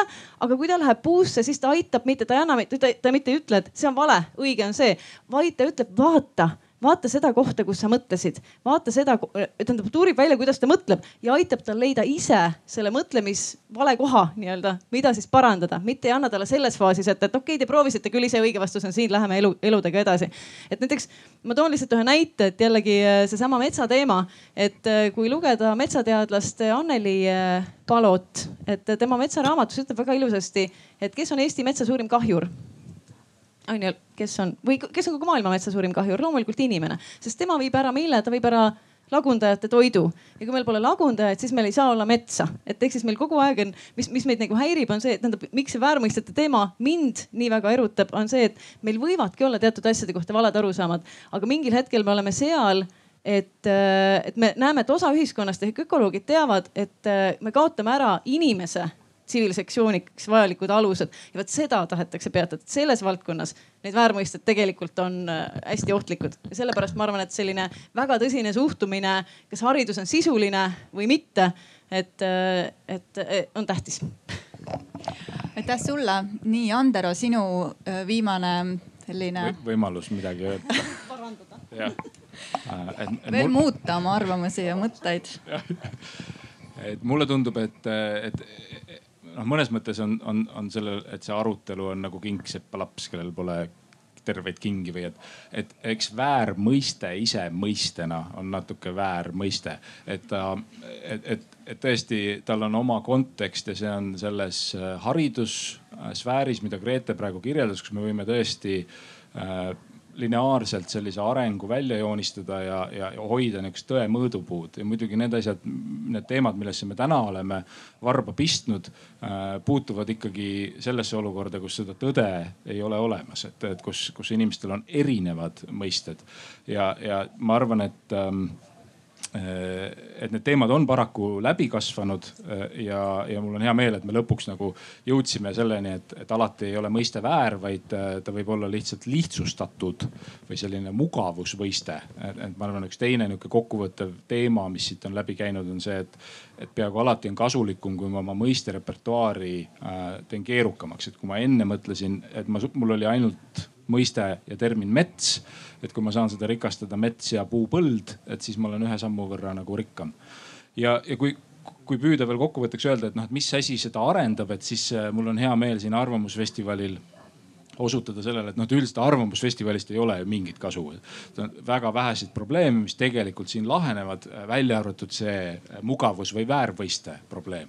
et, et üks asi, mida arutelu arendab, on mõistete komplekssus ja, ja ma arvan, et see on üks omaette teema, mida ma lootsin siin just näiteks Arkoga arutada, et, et tegelikult meedia roll ähm, noh vanasti et, et kui mina ülikoolis käisin, siis Marju Lauristin rääkis mulle sellest, et ühiskond areneb niimoodi, et keegi loll ütleb ühe mõtte välja ja siis sellest saab avaliku arutelu objekt. siis seda arutatakse meedias, me kõik loeme ja me areneme. ja aeg-ajalt on seda tänapäevanigi näha, näiteks mõned aastad tagasi üks Eesti partei üritas näiteks Eesti abordist teha mingit probleemi äh, või Eesti kohtunike kvaliteedist. ja selle tulemuseks oli tõesti see, et lehed olid täis mõiste komplekssust arendavat materjali. et mulle tundub, et, et, et meil tasub otsida neid võimalusi, kuidas avalikus ruumis endiselt selliseid nagu rikastavaid arutelusid ähm, genereerida. nii, Leene. minule jäi kõlama nagu äh, kaks asja, millele ma e-, edasi tahaks mõelda. et äh, üks on see, et meil peab olema nagu äh, ressurssi või oma, oma protsessides, oma mõtteprotsessides nagu vaadata üldpilti. et me saame astuda need mõned sammud tagasi, et meil on see refleksiooni aeg ja me saame nagu minna minna noh, samamoodi nagu selle seadusloomega oli, et seadusloome praktikad on sellised ja sellised, nad toovad mingeid tagajärgi, aga et, et me oleme võimelised seda nagu, nagu, nagu üldpildi pealt või kuskilt natukene kaugemalt distantsilt vaatama. ja teine on see, et äh, nagu selline keerulisem mõtisklus, et elustiili äh, kui me võtame elustiili valikuid nagu arusaamade ja mingisuguste ka väärarusaamade põhjal, siis see teeb tegelikult esiteks nagu koormab meid üle selle protsessi, et me peame kogu aeg valima, et kas meil on, on ju mis, mis, millest meie pakend on või eh, kas on biolagunev see koni või ei ole, eks. et, eh, et eh, kui me kogu aeg peame seda nagu valima, siis me nagu koormame ennast üle, et mingis mõttes elustiili valikud võiksid olla juba mingite väärtuste põhjal juba paigas ja selle võrra meil oleks rohkem aega reflekteerida või vaadata distantsilt asju. aitäh, Anneli mina tahaksin lõpetuseks rõhutada kahte sõna, need on vastutus ja mõju. ja nende väärarusaamade kõige minu meelest tavalisem olukord on see, et vast, et need, need, kes levitavad neid ja kes neid paljundavad ja kes neid toodavad. muidugi, kui see on lokaalne inimene oma kodus arvab, et tualettpaber peab olema tingimata helesinine, siis see tõenäoliselt ei mõjuta mitte midagi ja, ja mitte midagi ei juhtu. aga kui ta ikkagi seda väärarusaama nii-öelda paljundab või levitab või jagab või õhutab, siis, siis need, neid inimesi ennekõike iseloomustab minu meelest see, üks kokkuvõte, nad ei vastuta mitte millegi eest. ja, ja nüüd, kui me räägime siin ühiskonnast või, või kogukonnast, kus me saaksime midagi selleks ära teha, et neid oleks vähem, neid selliseid kõikide valdkondade väärarusaamu, siis, siis ähm, kaugele käed ei ulatu, aga lähedale ulatuvad kogukonnas, sõpruskonnas, perekonnas, lähikonnas on alati võimalik äh, selle inimese käest, kes teie meelest mõjutab äh, kes teie meelest nagu väljendab mingisugust äh, selget väärarusaama, küsida, et kas ta saab aru sellest, et ta vastutab selle eest, kui midagi juhtub ja küsida, et, äh, et kas ta saab aru, et see mõjutab teda, et kas kõige võib-olla tavalisem teema hetkel on see, et koroonaga ringi liikuvad inimesed Äh, ei saa aru sellest äh, tingimata, mis toimub. Ja nende lähedased, nende ümbritsevad, me kõik peaksime küsima inimese käest, kas sa saad aru, et sa vastutad selle eest, et kõige hullem asi, mis võib juhtuda, et sinu ema sureb või sinu laps sureb või sinu lähedasega läheb midagi väga halvasti? Sa vastutad ja sa mõjutad seda olukorda, et teised siin ümber võivad hakata ka valesti käituma. Ja sellist tähelepanu juhtimist minu meelest tasuks silmad avatuna hoida ja kogu aeg teha. aitäh niivõrd hästi mõtted vist haakuvad siin juba tükk aega koos olnud, et mina tahtsin tervitada kõiki ka, et, et praegusel hetkel just Saaremaal toimub üks teine koosistumine, kus tähistatakse Eesti looduskaitse sada kümme tähtpäeva ja, ja kui hakata mõtlema, et, et ei saa olla nagu lollimat asja kui looduskaitse või lastekaitse või, või, või sellised teemad, mis on ju oma olemuselt viide sellele, et, et kusagil on millegiga väga valesti läinud selleks, et me peame nüüd tegelema, panema ressursse selle alla, et, et hakata loodust kaitsma. järelikult kusagil on äh, väga valesti midagi läinud meie majandussüsteemis, meie ühiskonnakorralduses, et me enda alustalasid äh, peame asuma kaitsma, tagajärgedega likvideerima. Tegemata pingutusi, väga olulisi pingutusi või, või vastupidi, toetades neid tegevusi siis, mis äh, seda looduse kaitsmise vajadust äh, taas esile kutsuvad. väga sageli lihtsalt äh, teadlikult manipuleerides või siis äh, omasüülisest valgustamatusest et äh, ignoreerides tõsiasju ja, ja fakte, kuna need on lihtsalt majanduslikult meile niivõrd kasulikud äh,. aitäh ja õnneks, et me saame nende asjadega siiski ikkagi edasi tegeleda. Et äh, lõplikku äh, hävingut ei ole veel õnneks toimunud. ja Arko, sul on au nüüd äh, kõige viimaseks lõppsõnaks meil me tegelikult ei ole väga palju jõudnudki rääkida mingitest konkreetsetest edulugudest või mehhanismidest, et kui, kuidas nende vastu astuda, aga ega minagi ei anna mingit kindlat retsepti, aga tegelikult nagu ka, ka Anneli, Anneli ütles, et tegelikult see, see võti on väga palju nendes kogukondades. et, et meil tegelikult on, ma olen kindel, ühiskonnas väga palju selliseid väikeseid edulugusid just nende väärmõistetega ümberkäimisel. arstid, õpetajad, teadlased, kes räägivad inimestega, kes, kes võtavad selle aja et kuulata inimest, saada temast aru ja rääkida temaga ja jõuda ühiselt siis sellele uuele arusaamale, et, et, et mis siis, kuidas need asjad maailmas tegelikult käivad. Ja ma arvan, et, et see on tegelikult üks kõige mõjusam relv ja see on ka viis, kuidas me kõik ise saame tegelikult kõige paremini eh, panustada, rääkida inimestega ja olla seejuures ka ise kindel, et, et see, mida me räägime, on adekvaatne ja tuua need kogemused nii-öelda naha lähedale inimestele, et, et ainult abstraktselt ja ekspertide arvamuste toel äh, laborikatsete toel rääkides võime jääda kaugeks. ma usun, et, et ka siin koroonakriisi ajal väga paljud inimesed olid väga tänulikud sellistele teadlastele nagu Irja Lutsar, Andres Merits, kes tõesti rääkisid ja selgitasid ja, ja olid inimlikud. ja ma usun et me, et sellest oli väga palju abi. nõnda, et aitäh äh, teile kõigile, kes olite meiega koos. Äh, poolteist tundi äh, läks vähemasti siitpoolt vaadates väga kiiresti mõnusat Arvamusfestivali jätku ja kes soovib, meie oleme siin ja saame sellises vabas vormis oma, oma mõtteid, mõtete vahetust jätkata. aitäh